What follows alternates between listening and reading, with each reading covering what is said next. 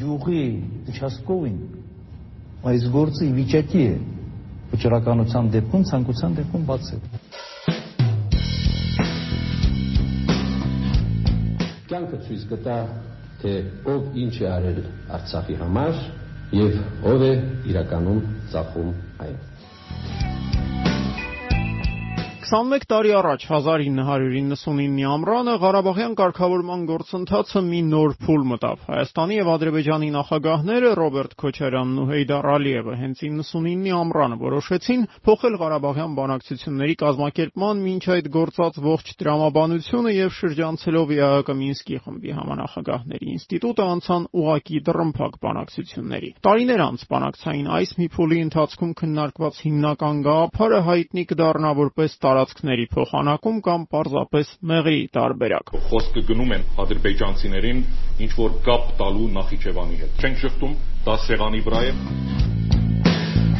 ուզում եք Ադրբեջանի կեսեն ժամանակ նվիրեք հայերին, դա 5 կոպեկի արժեք չունի։ Հայաստանի հիմնական արժեքը այն 46 կիլոմետրանոց ընդհանուր սահմանն է, որ մենք ունենք Իրանի հետ։ Роберт Сетракович, я думаю, какие компромиссы Кто может сделать. Քոչարյան-Ալիև առաջին դեմ արդեմ հանդիպումը կայացավ 1999-ի հուլիսի 16-ին Ժնևում։ Բանակցությունները նախապատրաստվել էին գրեթե լիակատար գաղտնիության պայմաններում։ Այն, որ Ալիևն ու Քոչարյանը Ժնևում առանց համանախագահների պատրաստվում են քննարկել Ղարաբաղյան կարգավորման ընթացքը, Երևանում եւ Բաքվում տեղեկացան բանակցությունների մեկնարկից հաշված ժամեր առաջ։ Հայաստանի եւ Ադրբեջանի նախագահների Ժնևյան հանդիպումը տեղեկությունների իսպառ բացակայության պայմաններում սկսում է նմանվել քաղաքական թեմաներով դետեկտիվի։ Ռոյթերի Ժնևյան թղթակիցը հղում անելով բանակցություններին մոտ կանգնած մի անանուն դիվանագետի հայտնել է, որ ակնկալիք չկա, թե լճապին ինչ որտեղ կայացող Ալիև-Քոչարյան տետատետ հանդիպումը արգասաբեր կլինի, իսկ Իտարտասի Ժնևյան թղթակիցը կարողացել է ճշտել հանդիպման վայրը։ Պարզվում է, խոսքը Ժնևի արվարձաներից մեկի՝ Ժանտոյի մասին է, եւ մի առանձնացված ու մեծ այգիով շրջապատված վիլայում, որտեղ ժամանակին կայացել են հատկապես բարդ խնդիրների շուրջ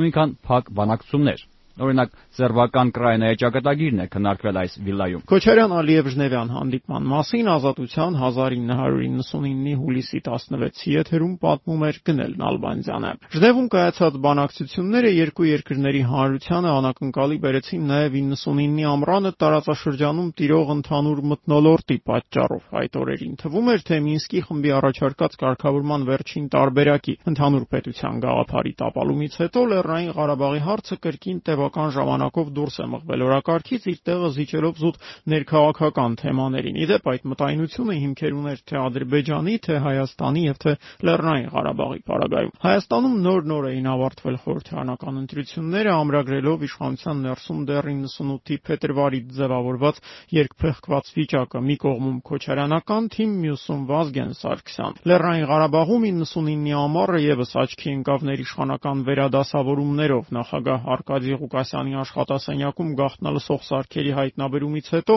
Ստեփանակերտում լայնածավալ կադրային փոխատեղումներ սկսվեցին, որոնցից ամենաաղմկալին պաշտպանության բանակի ամենազոր թվացող հրամանատար Սամվել Բաբայանի պաշտոնանկությունն էր։ Ադրբեջանում ամեն ինչ արտաքուստ ավելի հանդարտ էր, սակայն այստեղ եւս լուրջ խնդիրներ էին արկա, որոնցից առանցքայինը 76-ամյա Հեյդար Ալիևի առողջական վիճակն էր։ Հունիսին Հեյդար Ալիևը հերթական անգամ մեկնել էր Թուրքիա բուժման նպատակով, ինչի արդյունքում իդեպ չհարկվել էին Քոչարյանի հետ Լյուքսեմբուրգում նախատեսված նրա բանակցությունները։ Այս ամենը հաշվի առնելով կարելի է պատկերացնել, թե 1999-ի հուլիսի 16-ին որքան էին բոլորը զարմացել, երբ պարզվեց, որ դեռ ապակինման փուլում գտնվող Ալիևն ի վիճակի է եղել մեկնել Շվեյցարիա, իսկ պաշտոնական այցով Լեհաստանում գտնվող Ռոբերտ Քոչարյանը Վարշավայից ուղևորվել է ոչ թե Երևան, այլ Ժնև։ Հայաստան Քոչարյանը վերադարձավ հուլիսի 17-ի երեկոյան Զվարթնոց օթանավակայանում հավաքված լրագրողներին բուն հանդիպման մասին նա որևէ հստակ բան չասաց, նշելով միայն, որ Հեյդար Ալիևի հետ մոտ ապագայում նոր բանակցություններ են սպասվում։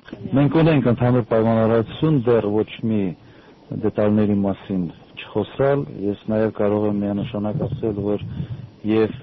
Համանախագահողները տեղյակ չեն ինչի մասին էր զրույցը։ Ես գոհ եմ հանդիպումից։ Արդյոք բանակցային գործընթացում տեղի է ունեցել ինչ-որ բան, որի մասին մենք չենք էլ կռահում։ Ժնևում կայացած բանակցություններից հետո մամուլում հնչող հիմնական հարցը հենց սա էր։ Երևանում փորձում էին հասկանալ, արդյոք Քոչարյանն ու Ալիևը վերադարձել են ընդհանուր պետության շուրջ քննարկումներին, թե բանակցությունների սեղանին միանգամայն նոր մի տարբերակ է դրված։ Նշեմ սակայն, որ Քոչարյան-Ալիև առաջին դեմ առ դեմ հանդիպումից միայն մի քանի շաբաթ անց սկսեցին լուրեր շրջանառվել, որոնց համաձայն Բաքվի եւ Երևանի բանակցությունների հիմքում մինչ այդ երբևէ պաշտոնապես չքննարկված մի տարբերակ է։ Ըստ այդ լուրերի բանակցությունների հիմքում դրված կարգավորման տարբերակը ենթադրում էր ոչ միայն Ադրբեջանի եւ Լեռնային Ղարաբաղի, այլև Հայաստանի սահմանների որոշակի վերաձևում, բայց քանի որ բանակցությունները ընթանում էին լիակատար գաղտնիության պայմաններում, չկային անգամ տեղեկատվական արտահոսքեր, ապա կարգավորման գործընթացի մասին ենթադրություններ կարելի էր անել միայն բաց տեղեկատվությանն ու դիվանագիտական անցուդարձին հետևելով։ 99-ի աշնան սկզբում այդ անցուդարձի ամենավառ եւ փոքրինչ արտասովոր դրսևորումը հարավային Կովկասում Վաշինգտոնի ցուցաբերած ակտիվությունն էր։ 21 տարի առաջ Միացյալ Նահանգները ամենաբարձր մակարդակում կարծես հասկացնում էին Քոչարյանի եւ Ալիևի ուղակի շփումները չպետք է անարդյունք ավարտվեն։ Ընդամենը մի քանի շաբաթում Ղարաբաղյան կարգավորմանը նոր լիցք հաղորդելու կոչվով Հայաստանի եւ Ադրբեջանի ղեկավարներին դիմեցին սկզբում Միացյալ Նահանգների պետքարտուղար Մադլեն Օլբրայթը, ապա այդ երկրի փոխնախագահ Ալբերտ Գորն ու նախագահ Բիլ Քլինթոնը։ Դիվանագիտական շրջանակներում պտտվող համառ լուրերի համաձայն ամերիկացիները այս ուղերձներում նույնիսկ մատնանշում էին բանակցություններում ձեռք բերված առաջընթացը նախնական փաստաթղթի տեսքով ամրագրելու ժամկետներն ու վայրը նոյեմբերին Ստամբուլում կայանալիք ՀՀԿ գագաթաժողովի ընթացքում։ Ամերիկյան այս համառ հորդորների ֆոնին էր, որ Ռոբերտ Քոչարյանն ու Հեյդար Ալիևը որոշեցին իրենց ուղակի շփումների պատմությունը հարստացնել սահմանին անցկացված բանակցություններով։ Հանդիպում կազմակերպելով Հայաստանի եւ Նախիջևանի սահմանագլխին Երասխավանի եւ Սադարակի միջև ընկած տարածքում։ Я приветствую президента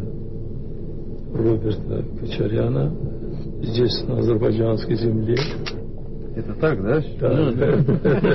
Это все же от границы. Это мой первый визит, да? Օթափողվող հատուկ վրանում շուրջ 4 ժամ շարունակված հանդիպման ավարտին Հեյդար Ալիևը բավական առույգ էր։ Նա չէր էլ թաքցնում, որ բանակցային այս նոր ֆորմատը նույնիսկ գերազանցել է իր սպասելիքները։ Вначале, когда мы вступили в этот диалог, трудно было представить, что мы можем так полезно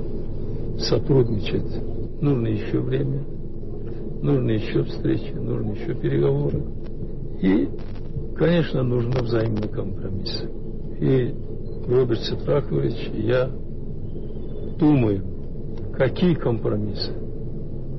кто может сделать. Բայց եւ այնպես Քոչարյանն ու Ալիևը Սադարակի հանդիպումից հետո նույնիսկ մոտավոր կերպով ճուրվագծեցին կարգավորման տարբերակների այն շրջանակը, որ քննարկել էին ժամեր շարունակ։ Կարող է զարմանալի թվալ, բայց միակ թեման, որի մասին Ալիևն ու Քոչարյանն այդ օրը պատրաստ էին կոնկրետ եւ նույնիսկ հաճույքով խոսել, ոչխարներն էին։ Այն ոչխարները, որոնց բանակցություններից առաջ Ալիևի ոտքերի տակ մորթել էին նախիջևանցի գյուղացիները։ Я не знаю, барана нам дали или нет.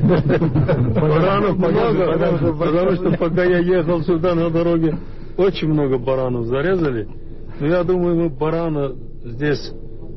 прямо здесь могут зарезать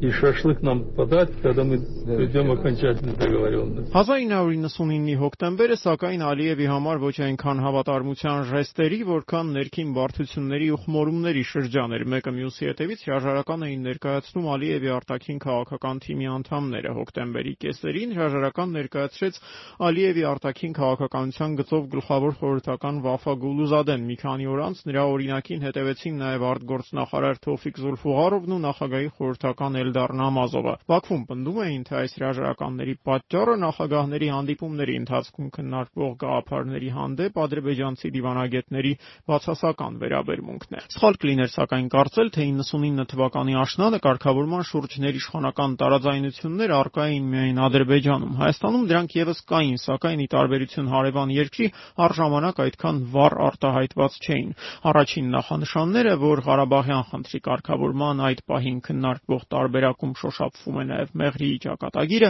եւ որ դրա շուրջ հայաստանյան իշխանության ներսում տարակարծություններ կան ի հայտ եկան դեռ օգոստոսին, երբ վարչապետ Վազգեն Սարգսյանն աշխատանքային այցով մեկնեց Սյունիք։ Հենց այստեղ էր, որ վարչապետը բավական անսպասելիորեն հանդես եկավ զգացմունքային միջառով խոսելով Մեղրիի կարևորության մասին։ Երբ դու Մեղրին տալիս ես օտարին, քո տան դուռը փակում ես քեզ վրա։ Մեղրին ավելի կարևոր է, քան ցանկացած այլ բան, նշում էր Վազգեն Սարգսյանը պնդելով. Ես զգուշացնում եմ, Մեղրին մի օր պայթելու է հենց Երևանի կենտրոնում։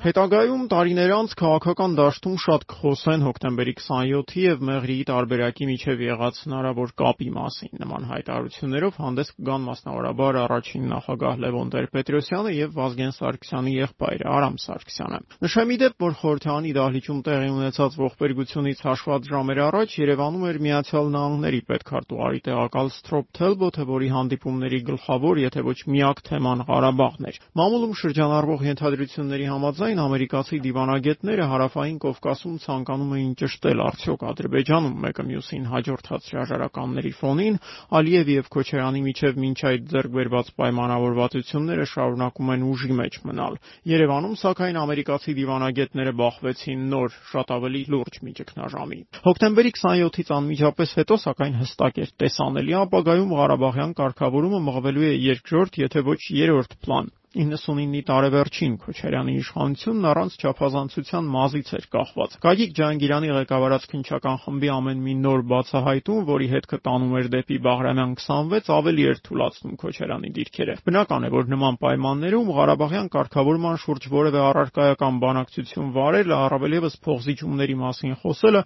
Ռոբերտ Քոչարյանի համար քաղաքական ինքնասպանությանը հավասարազոր մի բան կարող էր դառնալ։ Մյուս կողմից, սակայն Հայաստանի ղեկավարը ամբողջությամբ զրոյացնել իր դիվանագիտական ակտիվությունը չէր կարող։ Ոստի հոկտեմբերի 27-ից մոտ 3 շաբաթ անց Ռոբերտ Քոչարյանը մեկնեց Ստամբուլ։ ԵԱՀԿ գագաթաժողովի մանրամասներն, ինչպես նաև դրա կուլիսներում կայացած Քոչարյան-Ալիև հերթական հանդիպման մասին Ազատության 1999 թվականի նոյեմբերի 19-ի եթերում պատմում էր Հրայր Թամրազյանը։ ԵԱՀԿ գագաթաժողովի վերջնական փաստաթղթում հրճակագրում հատուկ պարագրաֆով պետք է արձանագրվի Ղարաբաղյան խնդիրը Պատասխանելով իմ այն հարցին, թե ինչ կարող ենք ակնկալել այս գագաթաժողովից Ղարաբաղյան խաղաղ կարգավորման հարցի շուրջ, ԵԱՀԿ գործող նախագահ Քնուտ Վոլեբեկն ասաց, թե մենք մեր անվերապահ աջակցությունն ենք հայտնել Հայաստանի եւ Ադրբեջանի նախագահներին, բարձր գնահատելով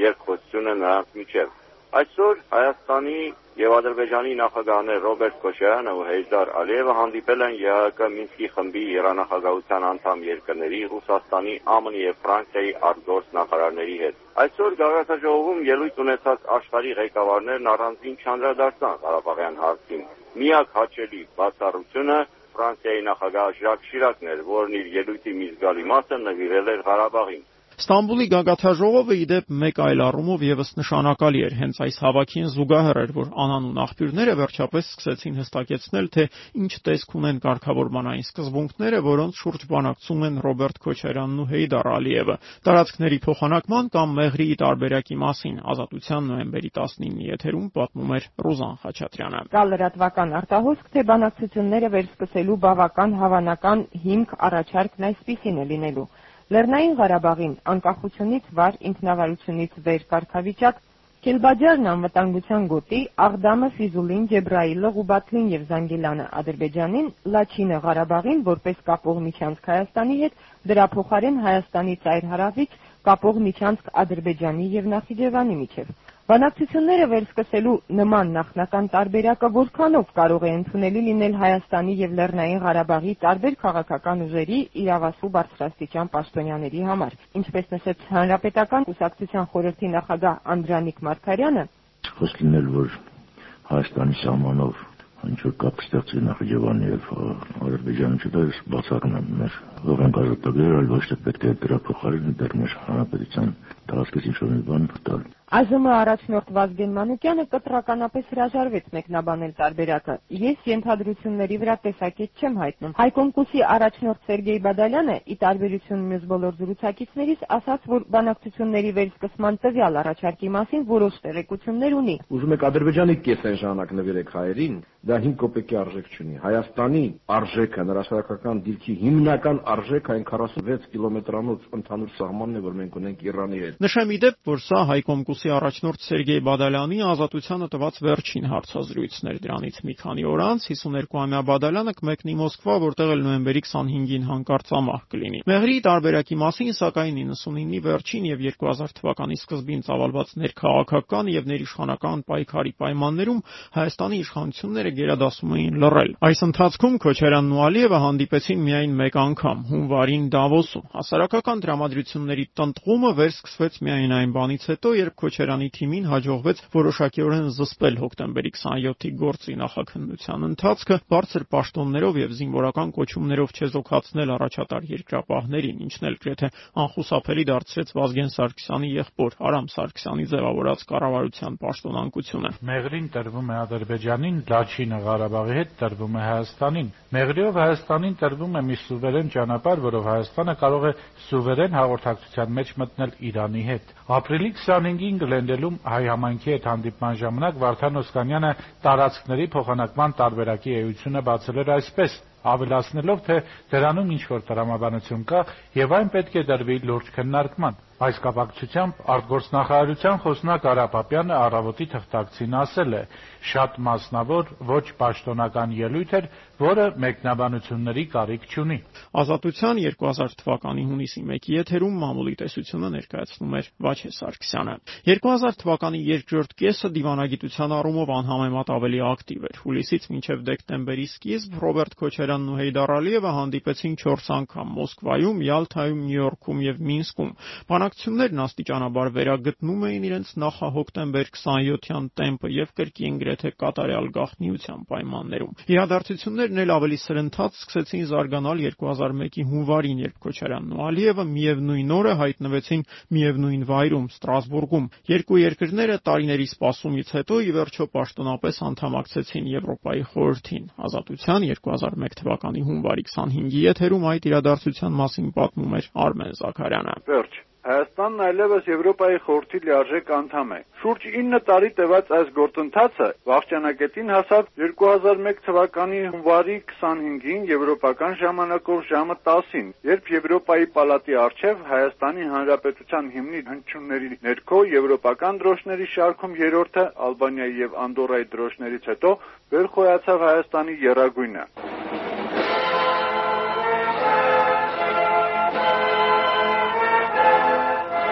Հաշված րոպեներ անց Եվրոպայի խորհրդի առջև բարձրացվեց նաև Ադրբեջանի դրոշը, որի ու մեր դրոշների արանքում ավստրիական դրոշն է տեղ գտել։ Այնուհետև ելույթ ունեցան Հայաստանի եւ Ադրբեջանի նախագահները։ Ռոբերտ Քոչարյանը հանդես եկավ անգլերենով. The contemporary Europe has been transformed into a land of sustained security and peace. It opened extraordinary opportunities for providing prosperity for its people. Բնական է, որ Հայաստանի նախագահի այցը Ստրասբուրգ եւ այնտեղ հնչեցրած ելույթը Երևանյան մամուլի ուշադրությունից վրիպել չէին կարող։ Հայաստանի նախագահի ելույթներին հայկական ժամանակն արձագանքում է English-ն ուրիշը վերնագրով բոլոր միջազգային ատյաններից Քոչարյանի խոսքը ռուսերենով է հնչել։ Սա նրա առաջին անգլերեն ելույթն էր։ Չենք կարծում, թե սրա միակ պատճառն այն էր, որ Քոչարյանը նոր է անգլերեն սովորում։ Լեզվաքաղաքական դիտարկումները հայկական ժամանակն ավարտում է ակնարկելով, թե մասնագետների ասելով Քոչարյանի անգլերենը աչքի էր ընկնում ռուսական ակցենտով։ Ազգի թղթակցի տպավորությամբ բոլորի ուշադրությունը սևեռվեց Հեյդար Ալիևի արտաքին տեսքին, հատկապես երեսի գույնին, որը մի տեսակ սպիտակավուն էր։ Ալիևը քայլում էր ինչպես հիվանդ ծերուկ, ելույթի ընթացքում կարծես շնչահեղձ լինում փոխարենը կատարյալ առույգ էր որդին՝ Իլհամը, որն ամենուր եւ ամեն րոպե հոր թիկունքին էր։ Իր դիտարկումները ազգի թղթակիցը ավարտում է հետևյալ ենթադրությամբ. հավանաբար Ռոբերտ Քոչարյանը մոտ ապագայում գործ կունենա հենց Իլհամ Ալիևի հետ։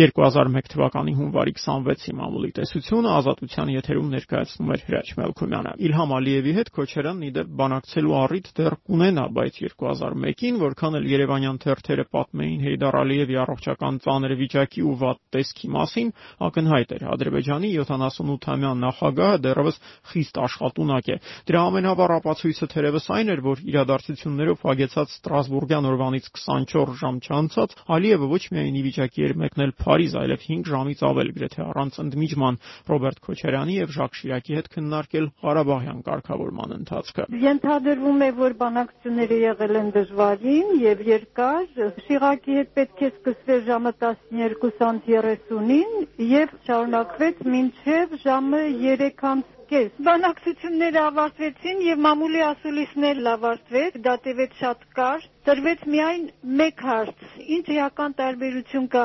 առաջին հանդիպման եւ 14-րդ հանդիպման միջեւ։ Ալիևը պատասխանեց այսպես, որ ինքն էլ չգիտեր, որ 14-րդ հանդիպումներ ինքնանպատակ չեն այդ հանդիպումները։ Հույս ունեմ ասած նա, թե 100-րդ հանդիպմանը չենք հասնի Ղարաբաղի հարցը լուծելու համար։ Հայաստանի, Ադրբեջանի եւ Ֆրանսիայի նախագահների հանդիպման մասին Ազատության 2001 թվականի հունվարի 26-ի եթերում պատմում էր Ռոզան Գյուրերյանը։ 2001 թվականի հունվարին արդեն հստակ երևում էր բանակցություններում առաջատար դերակատարությունը ֆրանսիացիներինն է։ Դիվանագիտական շրջանակների պնդմամբ Ժակ Շիրակն անձամբ էր մասնակցում կարգավորման դետալների քննարկմանը։ Քոչարյանի եւ Ալիևի հերթական թվով 15-րդ հանդիպումը կրկին Փարիզում կայացավ 2001 թվականի մարտի սկզբին։ Դրան զուգահեռ Շիրակն առանձին նամակներով դիմեց համանախագահ մյուս երկու պետությունների ղեկավարներին Վլադիմիր Պուտինին եւ Միացյալ Նահանգների նորընտիր նախագահ Ջորջ Բուշին ներկայացնելով կարգավորման շուրջ տիրող իրավիճակն ու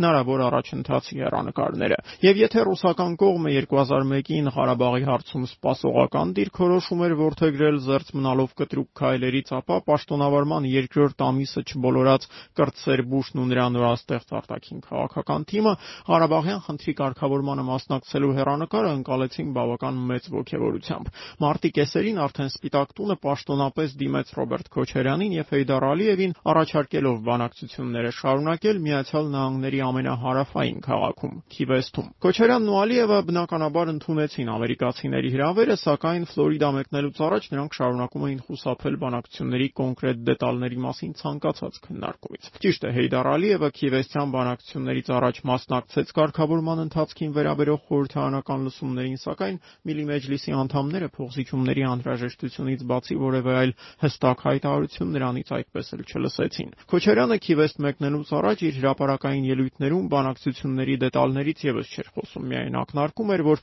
Ալիևի հետ դեմ առ դեմ հանդիպումներն աստիճանաբար բնականաբար կորցնում են իմաստը։ Այդ մասին Քոչարյանը հայտարարեց Միացյալ Նահանգներ մեկնելուց մոտ 10 օր առաջ տնտեսագիտական համալսարանի ուսանողների հետ հանդիպման ժամանակ։ Տետատետ հանդիպումների ռեսուրսը կարծում եմ մենք սպառել ենք կամ սպառման եզրին ենք։ Մենք քննարկել ենք բոլոր հնարավոր լուծումները, քննարկել ենք բոլոր հնարավոր տարբերակների, նաև կոմբինացիաները եւ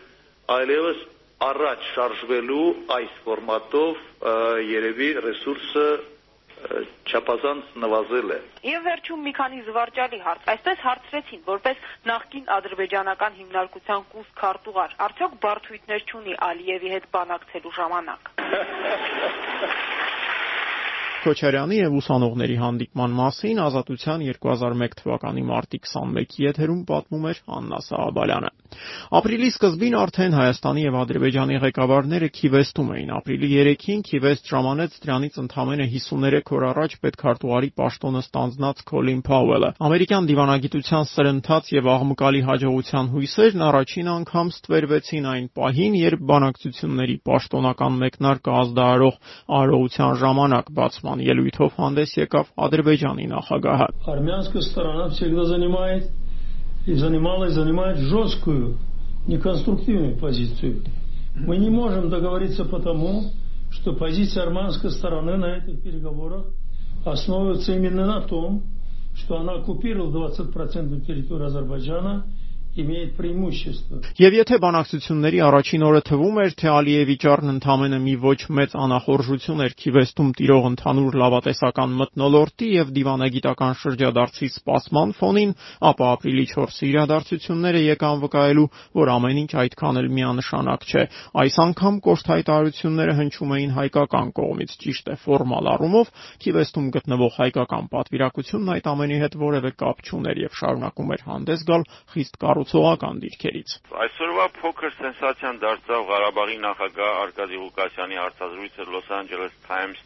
թերթի հետ, որտեղ նա ուղղակի հայտարարեց, թե իր համար ընդունելի կարող է լինել միայն անկախությունը կամ միացումը Հայաստանի հետ։ Մնացած բոլոր տարբերակները տանում են դեպի պատերազմ, այլ ոչ թե խաղաղություն, հայտարարել էր Արկադի Ղուկասյանը։ Այս հարցազրույցը հասկանալի պատճառներով շատ հետաքրքրեց հատկապես ադրբեջանցի եւ թուրք լրագրողներին։ Թուրան գործակալության թղթակիցի դեպ այսօր փողոցում հանդիպել էր նախագահ Քոչարյանին եւ խնդրել նրան մեկնաբանել Ղուկասյանի հայտարարությունը։ Քոչարյանն ասել է նրան, թե ամեն ինչ նորմալ է, դա պարզապես ցույց է տալիս, որ Ղարաբաղում մտահոգված են։ 2001-ի ապրիլին Քիվեստում ընթացող բանակցություններն ազատության եթերում լուսաբանում էր Ժայր Թամրազյանը։ Ալիևի հայտարարությամբ եւ Արկադի Ղուկասյանի ամերիկյան թերթին տված հարցազրույցով շեղումները նախապես գծված սցենարից չավարտվեցին։ Բանակցությունների երրորդ օրը պարզ դարձավ, որ Ադրբեջանի ու Հայաստանի նախագահները առանձին բանակցություններ անցկացնելու հարցում մեծ ողջավորություն չեն դրսևորում։ Գրեթե 11000 կիլոմետր կտրած եւ աշխարհի մյուս ծայրը հասած Քոչարյանն ու Ալիևը, որոնք դրան նախորդող տարիներին միմյանց հետ զրուցելու առիթը բաց չէին թողնում եւ հանդիպում էին որտեղ ասես Ստամբուլում եւ Յալթայում, Սադարակում եւ Ժնևում, Կիվեստում այդպես էլ դռնփակ բանակցությունների փուլին չհասան։ Այս ամենը չէր կարող հարցականի տակ չդնել լայնորեն գովազդված այս բանակցությունների արդյունավետությունն ինքնին։ Առաջընթաց կա թե ոչ, պարոն Օսկան, Երևանում բոլորը սպասում են անհամբեր առաջընթացի։ Գիտեք, այս պահին դժվար է ասել, որ մենք հաջողությամբ կթողնենք այս փոքր կղզին բայց առայժմ կարծում ենք որ ինչ որ դրական ուղությամբ է գնում եւ պետք է բոլորս հասկանանք որ այս անգամ բանակցությունների ֆորմատը մի քիչ տարբեր է բոլոր նախորդներից հակառակ որ երկու նախագահները գտնվում են այս նույն կղզում եւ համարյա թե բավական մոտ են ապրում իրարից, բայց երբեք իրար հետ դեռ չեն հանդիպել։ Ֆորմատը այնպեսին է, որ նախագահները առանցին առանցին հանդիպում են համանախագահողների հետ։ Սա կոչվում է դիվանագիտության մեջ proximity talks։ Փակ դռների հետևից ստացվող կծկտուր տեղեկություններից դատելով Քիվեստում ընթացող բանակցությունների հիմնական քննարկումները դետալների շուրջ էին, որոնք ի դեպ կրկին բխում էին տարածքների փոխանակման տարբերակից։ Քիվեստին ուղված հայաստանյան սպասողական խոսակցություններին մի փոքր նոր աշխուժություն է հաղորդել փաստը, որ նախագահ Քոչարյանին ուղեկցողների փոքրաթիվ խմբում է Լորվա մարզպետ Հենրիկ Քոչինյանը։ Մինչ ոմանք ենթադրում են, թե պարզապես Լորին ու Քիվեստը քույր մարզեր են դառնալու, առավոտի թղթակիցը արձանագրում է, որ Հայաստանի տրանսպորտի նախկին նախարար Քոչինյանը ճանապարհաշինության ու կամրջաշինության լավագույն մասնագետներից է, նախկինում ներկայացրել է տարածաշրջանային հաղորդակցությանն առնչվող որոշ փաթեթներ։ Այս ամենը թղթակցին մղել է ենթադրության, թե Քիվեստում կոնկրետ քննարկման առարկա է դառնալու Հայաստանի տարածքի հաշվին միջանցքների մի ամբողջ ցանցի բացման հարցը։ Եվ եթե խոսեցինք Հայաստանի տարածքով անցնող տրանսպորտային միջանցքների մասին, ապա տեղին է հիշեցնել, որ Քիվեստից 2 տարի առաջ 1999-ին քննարկված տարբերակով Մեղրիի շրջանն անցնում էր Ադրբեջանին, իսկ Հայաստանը այսպես կոչված սուվերեն անցում էր ստանում դեպի Իրան։ 2001-ի գարնանն արդեն սուվերեն անցումների տեղերն ու շահառուները փոխվել էին։ Այժմ արդեն քննարկվում էր Ադրբեջանին Մեղրիով դեպի Նախիջևան սուվերեն անցում տրամադրելու հարցը։ Դիվանագետների պնդմամբ Հայաստանին չի ենթարկվող եւ Մեղրի Մեղրիի շրջանը ծայրից ծայր կտրող այդ անցումը ամենայն հավանականությամբ էստակադայի տեսք պետք է ունենար։ Բացի այդ, ըստ արտահոսքերի հայկական զորքերը պետք է դուրս բերվեին գրավյալ տարածքների մեծ մասից, ինչի դիմաց Լեռնային Ղարաբաղն ու Լաչինի միջանցքը միացվելու էին Հայաստանին։ Բայց քանի որ փորձագետները Քիվեստում աշխատում էին փակ դռների հետևում, նախագահներն ու արտգործնախարարները խիստ հազվադեպ էին հայտնվում տեսախցիկների առջև, ապա բանակցությունների յուրատեսակ մամուլի քարտուղարների դերը իրենց վրա էին վերցրել վերցրել Մինսկի խմբի համանախագահները։ Միջնորդների եռյակի գլխավոր աստղն իհարկե ամերիկացի համանախագահն էր Քերի Քավանոն, միշտ շփտերես եւ մինչեւ որոշակի պահը նաեւ լավատես։ characterize my optimism as having been different yesterday. Իմ այսօրվա լավատեսությունը չի տարբերվում երեկվանից։ Ես պարզապես ավելի հոգնած եմ այսօր Երեկվա բանակցություններն իմ կարծիքով շատ արդյունավետ էին, իսկ այսօրվա բանակցությունները շատ կոնկրետ բնույթ էին կրում։ Գերիկավանն ասաց, որ ինքը նախագահների մոտ որևէ այնպիսի բան չնկատեց, որը թշնամանքի վերսկսման հիմք տար։ Ինչ վերաբերում է Քիվեստ ժամանած ռուսաստանյան պատվիրակությանն, ապա հիշատակել դրա ղեկավարին առաջին փոխարտգործնախարար Վյաչեսլավ Տրուբնիկովին չի կարելի։ Ռուսաստանցի միջնորդի գլխավոր առանձնահատկությունը նրա կենսագրությունն էր։ Մինչև Ռուսաստանի արտգործնախարարությունում աշխատանքի անցնելը Տրուբնիկովը տասնամյակներ շարունակ աշխատել էր Խորհրդային Միության, ապա նաև Ռուսաստանի Դաշնության հետախուզական կառույցներում։ Ռուսաստանի արտաքին հետախուզության ծառայության SVR-ի տնօրենի պաշտոնը գեներալ Տրուբնիկովը լքել էր Քիվեստյան բանակցություններից մոտ 1 տարի առաջ։ Քիվեստում Վյաչեսլավ Տրուբնիկովը թե կտրուկ լավատեսական եւ թե հորետեսական հայտարարություններից զերծ էր մնում կրկնելով հայտնի տեսակետը, թե Մոսկվան համաձայն է ցանկացած լուծման, որ ընդունելի կլինի հայերի եւ ադրբեջանցիների համար։ Наши усилия сейчас стимулируются вот тем более года развивался между двумя президентами. Наверное, наступает такой период, когда нам уже становится гораздо легче работать, не изобретая что-то, так сказать, из ոզդուխը։ Բանակցությունները Քիվեստում շարունակվեցին ապրիլի 3-ից 7-ն, ավարտվելով առանց որևէ փաստաթղթի ստորագրման։ Կողմերը սակայն պայմանավորվեցին բանակցությունները շարունակել նույն տեմպով։ Համանախագահներն էլ խոստացան Հայաստանի եւ Ադրբեջանի նախագահների հետ եւս մեկ անգամ հանդիպել հունիսին Ժնևում։ Մինչ այդ միջնորդները պետք է տարածաշրջանային եւս մեկ այց կազմակերպեին հակամարտության կողմերին կարգավորման գրավոր առաջարկ ներկայացնելով, առաջարկ, որի հիմքում բնականաբար պետք է դրված լինեին Քիվեստում քննարկված գաղափարները։ Հեյդար Ալիևը եւ Ռոբերտ Քոչարյանը Քիվեստից տուն վերադարձան Վաշինգտոնով։ Այստեղ Սպիտակ տանը երկու երկրների ղեկավարներին առանձին առանձին ընդունեց Միացյալ Նահանգների նախագահ Ջորջ Բուշը։ Վաշինգտոնյան բանակցություններից հետո Քոչարյանը լրագրողների հետ գերադասեց չշփվել Սպիտակ տունը լքելով ստորգետնյա կայանատեղիով։ Հեյդար Ալիևը հակառակը դուրս եկավ Սպիտակ տան կենտրոնական մուտքից, հանդիպելով այստեղ հավաքված լրագրողների հետ։ Встреча прошла очень хорошо. My meeting with President Bush was good. Я очень доволен. I'm very satisfied of the meeting. Եվ մինչ Հայաստանի նախագահը վերադառնում էր Երևան, տեղական մամուլը չէր հրաժարվում կարգավորման խիստ գաղտնի նոր սկզբունքները բացահայտելու կամ գոնե դրանց էությունը կռահելու փորձերից, որպես կանոն հիմնական քննարկումները շարունակում էին պտտվել Մեղրիի կարգավիճակի շուրջ։ Առավոտի մեկնաբանի հայացքով իշխանական քարոզչամիջոցները սկսել են չափավոր դոզայով հայ հասարակայնությանը նախապատրաստել բանակցությունների արդյունքների հրապարակմանը։ Մասնավորապես, ըստ որոշ դիտորդների, Մեղրիին վերաբերող ազդանշան են ակնարկները Իրանի դերի կարևորման եւ այն մասին, որ Ղարաբաղյան խնդրի լուծումը տեղավորվելու է նաեւ վերջինիս ռազմավարական շահերի շրջանակում։ Ազատության 2001 թվականի ապրիլի 11-ի եթերում մամուլի տեսությունը ներկայացնում էր Վաչե Սարգսյանը։ Նշեմ իդեպ, որ հայ-ադրբեջանական բանակցությունների ակտիվացմանը զուգահեռ Բաքվում եւ հատկապես Երևանում մոռացության երկար տարիներից հետո կրկին հիշել էին այն մարդուն, որն առաջինն էր խոսել Մեղրին Լաչինով փոխանակելու նպատակահարմարության մասին։ Այդ մարդը պետքարտուարության նախկին պաշտոնյա Փոլ Գոբլն էր, որը տարածքների փոխանակման գաղափարը առաջ էր քաշել դեռ 1992 թվականի ամռանը պատերազմի ամենաթեժ պահին։ Քիվեստյան բանակցությունների օրերին, սակայն Գոբլն այլևս դիվանագետ չէր եւ Ազատության Վաշինգտոնի գրասենյակում որպես վերլուծաբան էր աշխատում։ Իր հեղինակած տարածքների փոխանակման գաղափարի մասին, սակայն նա տարիների ընթացքում չէր մոռացել։ Վերլուծաբանը այսպես արձագանքեց մեր այն հարցին, թե արդյոք Ադրբեջան-Նախճեվան տրանսպորտային միջանցքի տարբերակը կարող ենք դիտել որպես Գոբլի ծրագրի իրականացում։ Well, I've always believed that uh, guaranteeing Azerbaijani access Ես միշտ ասել եմ, որ Ադրբեջանին Նախիջևանի հետ կապ հաստատելու հնարավորություն ընձեռելը կնպաստի կոնֆլիկտի կարգավորմանը։ 2001-ի գարնանը Փոլ Գոբլի հետ զրուցել էր Արմեն Քոլոյանը։ 2001-ի մայիսին Քիվեստի բանակցություններից մի քանի շաբաթ անց Ղարաբաղյան կարգավորման գործընթացը հայտնվել էր բավական տարօրինակ մի հանգրվանում։ Մի կողմից Մինսկի խմբի համանախագահներն ու հակամարտության կողմերը շարունակում էին խոսել խոսել Փարիզյան եւ Քիվեստյան գործընթացները շարունակելու մասին։ Մյուս կողմից, սակայն, տպավորություն կար, որ Երևանի եւ Բաքվի դիրքորոշումները օրեցօր հեռանում են միմյանցից։ Դա տեսանելի էր հատկապես Ադրբեջանի պարագայում։ Եթե Երևանում շարունակում էին համառորեն լռել, ապա Հեյդար Ալիևի եւ նրա վարչակազմի անդամների հայտարարությունները հետևողականորեն կարծրանում էին։ 2001 թվականի մայիսի 18-ին, երբ մեկնարկեց համանախագահների տարածաշրջանային այցը, բանակցային գործընթացում արկա խնդիրները այլևս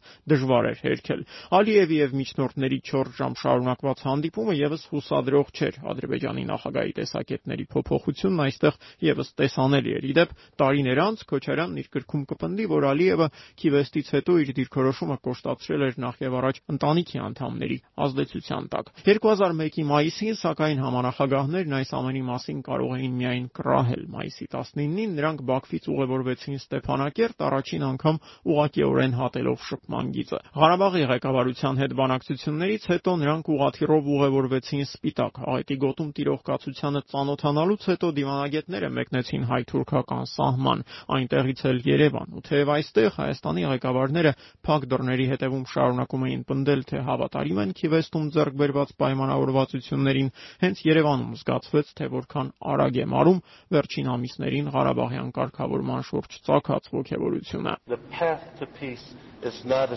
straight road. It is more like the road to Lachin. Խաղաղության տանող ճանապարհը միշտ չէ որ հարթ ու հեշտ է, այն ավելին շատ նման է Լաչինի ճանապարհին, որտեղ մի շարք խոչընդոտներ ու խորթուբորթություններ կան։ Այս համեմատությունն արեց Քերիկ Հավանոն, երբ Ռոբերտ Քոչարյանի հետ բանակցելուց հետո համանախագահները պատասխանում էին լրագրողների հարցերին։ Քիվեստի հանդիպումից հետո միջնորդները ավելի շատ լավատեսություն ունեին, ասում էին, թե մոտենում են խաղաղության հաստատմանը, բայց նրանց վերջին հայտարարությունները ցույց են տալիս, որ լավատեսությունը նվազել է։ Խորհրդանշական է սակայն, որ կարգավորման այս փուլի յուրատեսակ վարչակետը դրեց Մինսկի խմբի համանախագահ. Այն պետությունը, որը Փարիզյան եւ Քիվեստյան գործընթացներում ամենապասիվն էր՝ Ռուսաստանը։ Մոսկվան Քիվեստից անմիջապես հետո փոխել էր Մինսկի խմբում իր ներկայացուցչին։ Հետախուզության գեներալ Վյաչեսլավ Տրուբնիկովին այս պաշտոնում փոխարինել էր Եմենում նախկին դեսպան Նիկոլայ Գրիբկովը։ Հենց Գրիբկովն էր, որ սկզբում Բաքվում, ապա նաեւ Երևանում կասկածի տակ առավ Ժնևում բանակցություններ անցկացնելու նպատակահարմարությունը։ Այս տեսակետ գետին էին հակված նաև ֆրանսիացիները, որոնք եւս պնդում էին, թե գործընթացն արհեստականորեն արագացնելու կարիք չկա։ Երևանից հեռանալուց մի քանի օր անց համանախագահները հայտարարեցին, որ Ժնևյան բանակցությունները հետաձգվում են մեջբերում անորոշ ժամկետով։ Այս ձևակերպումն իհարկե չեղարկման ավելի մեղմ տարբերակներ։ 2001 թվականի ամռանը Քոչարյանն ու Ալիևը հանդիպեցին միայն մեկ անգամ Սոչիում կայացած ԱՊՀ ոչ պաշտոնական գագաթաժողովի շրջանակներում։ Կարգավորման գործընթացը կարծես կրկին անց անցնում էր ռուսական վերահսկողության տակ։ Չի բացառվում իհարկե, որ ամերիկացիներն ու ֆրանսիացիները որոշակի դադարից հետո մեկ անգամ եւս փորձեին նախաձեռնությունն իրենց ձեռքը վերցնել, նոր շունչ հաղորդելով Փարիզում եւ Քիվեստում ձեռք բերված պայմանավորվածություններին։ Սեպտեմբերի 11-ին Միացյալ Նահանգներում տեղի ունեցած ահաբեկչական գործողությունները սակայն անդառնալիորեն փոխեցին միջազգային հարաբերություններում տիրող ողջ մթնոլորտն ու ուժերի հարաբերակցությունը։ Գերտերություններից եւ ոչ մեկն այլևս ի վիճակի չէր լուրջ ռեսուրսներ առանձնացնել Ղարաբաղյան հարցի շուտափույթ լուծմանը հասնելու համար։ Կարգավորման հերթական 4-րդ տարբերակի տապալումը Երևանում եւ Բաքվում գրեթե նույն զգացողություններն էր առաջացրել։ Մի կողմից Քոչարյանն ու Ալիևը կարծես թեթևացած շունչ քաշեին։ Այլևս հարկավոր չէր գլուխ կոտրել, թե ինչպես է հարկավոր սեփական ժողովրդին ներկայացնել ձեռք բերված փողզիջումը, փողզիջում, որից զանգվածային դժգոհությունները երկու երկրներում գրեթե անխուսափելի էին թվում։ Մյուս կողմից բանակցային եւս մեկ փուլի տապալմամբ Հայաստանի եւ Ադրբեջանի նախագահները քաղաքական կորուստներ էին կրում։ Քոչարյանը տարածքների փոխանակման տարբերակի բարեհաջող կյանքի կոչման դեպքում կարող էր հայտարարել, թե սա այն փաթեթային լուծումն է, որի մասին ինքը խոսում էր դեռ 98-ին Լևոն Տեր-Պետրոսյանի տապալման ընթացքում։ Ալիևի համար տարածքների փոխանակման տարբերակի տապալումը եւս ցավալի էր։ Այս ցախողումը նշանակում էր, որ առողջական վատ վիճակում գտնվող Ադրբեջանի նախագահին Ղարաբաղյան հարցով նման լրջությամբ զբաղվելու մեկ այլ շանս կարող է պարզապես չընձեռվել։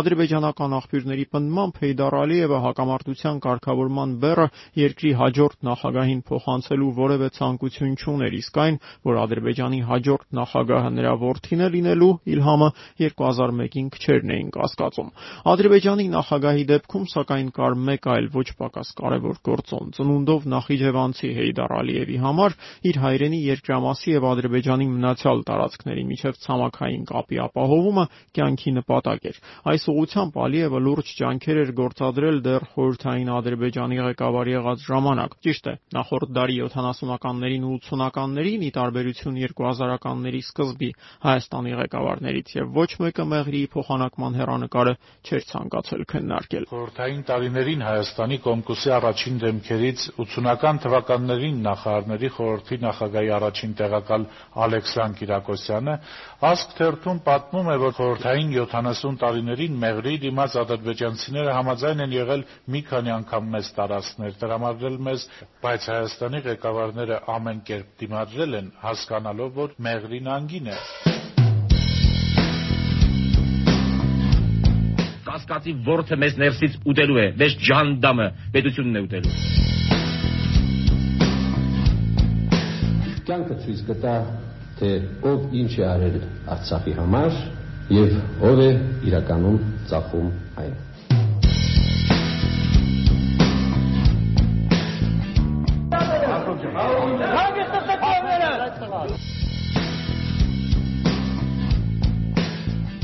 Ձեզ այնքան կծեց են դալաններում, որ դուք կարտագաղթեք։ you know?